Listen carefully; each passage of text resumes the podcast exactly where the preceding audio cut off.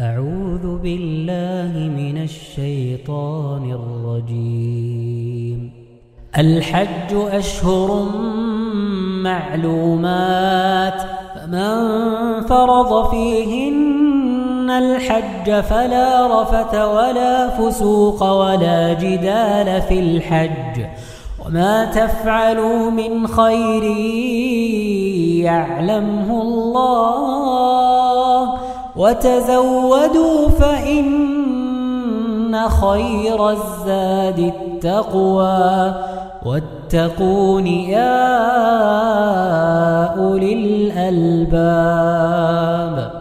نعم الحج أشهر معلومات والمقصود بها أشهر الحج التي هي شوال وذي القعدة وعشر من ذي الحجة وعشر من ذي الحجة حتى أنه ابن عباس لما قال أشهر الحج شوال وذي القعدة وذي الحجة.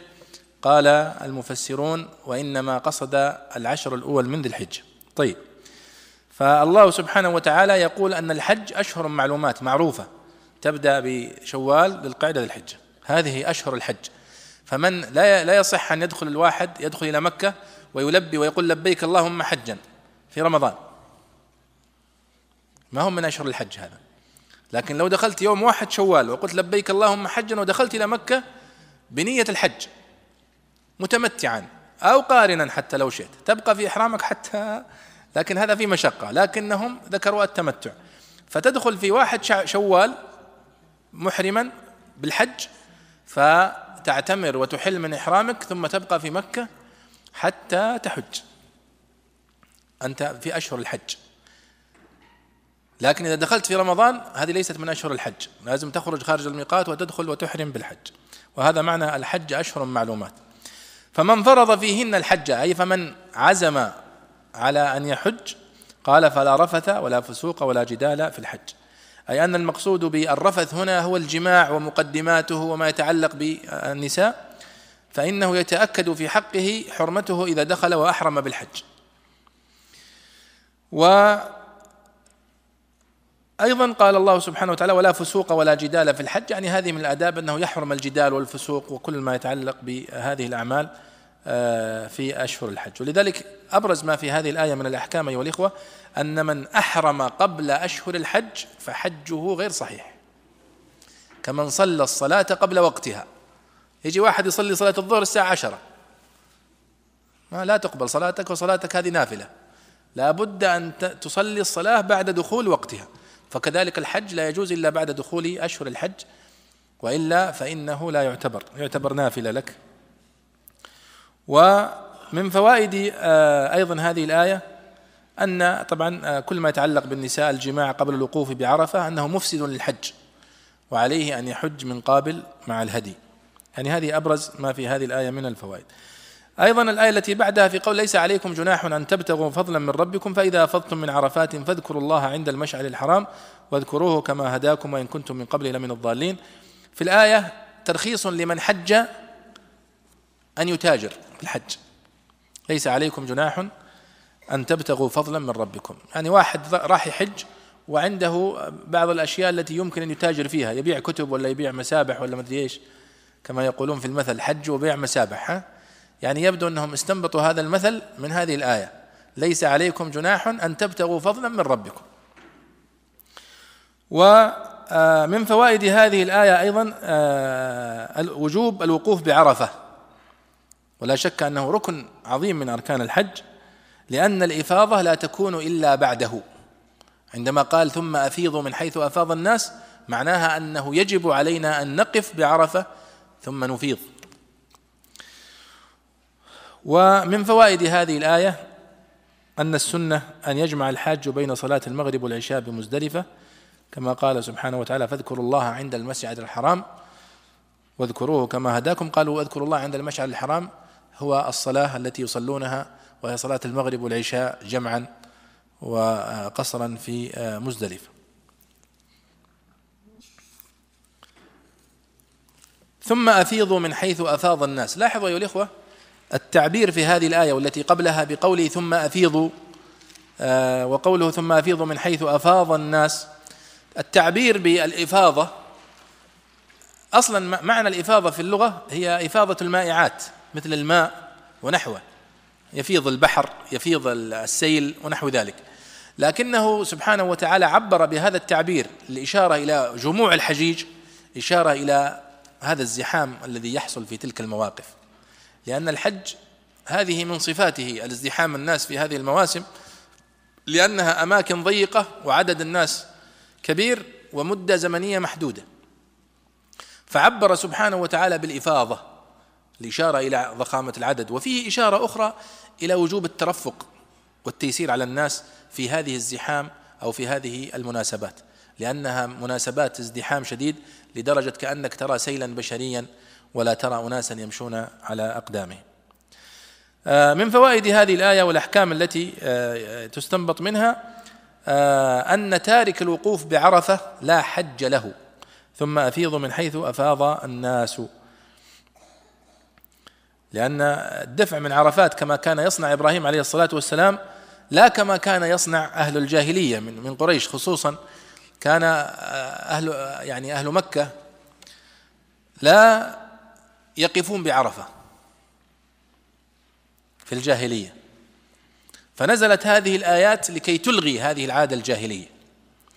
ولذلك من فوائد يعني دراسة مثل هذه الآيات أيها الإخوة أو من ما ينبغي على طالب العلم أن يتعلم ويتعرف على عادات الجاهلية التي كانت راسخة فيهم.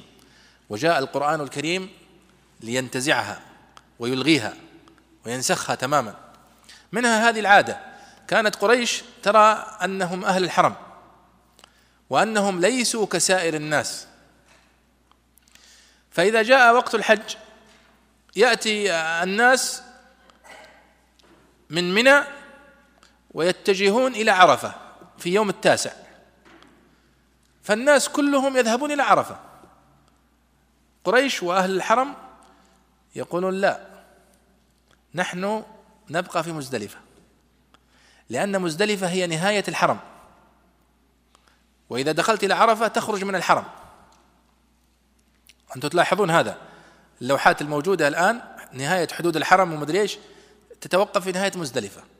وإذا بدأت في عرفة ليست من الحرم. فأهل فأهل الحرم يقولون نحن أهل الحرم ما نخرج من الحرم. ويسمين يسمون أنفسهم الحمس الحمس يعني يعني زي ما تقول في اي بي يشوفون أنفسهم إنهم متميزين عن سائر العرب والنا نحن ناس خاصين يعني.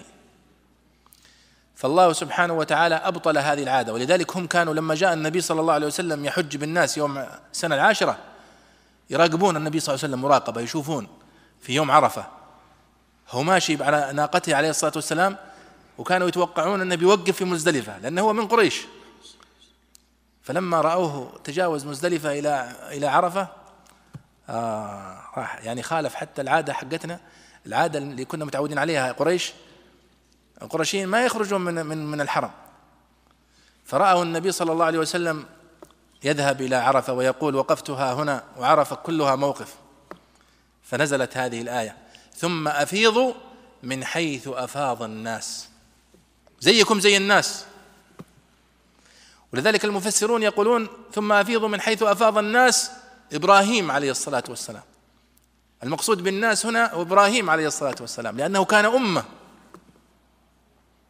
لكن المفسرون يقولون الناس يعني كما أفاض سائر الناس لأن الحج أصلا من ضمن حكم الحج مساواة بين الناس سواسية. اللبس واحد والرب واحد والعبادة واحدة وال... ما في أحد يعني يتميز عن أحد. فهم يريدون أن يستبقوا شيء من هذه المميزات لكن الله سبحانه وتعالى ألغى كل المميزات. ولذلك نحن نقول أنه لا ينبغي حتى في زمننا هذا أن يكون هناك في خدمات خاصة لطبقة من الناس يعني اللي يسمونهم الفي اي بي هؤلاء. وإنه ينبغي أن تكسر هذه العادات القبيحة حتى لا تعود لنا بهذه لأن يبدو لي قريش في بداية الأمر كانوا بدأوها بنفس الحركات هذه ثم تطورت حتى أصبحت شريعة.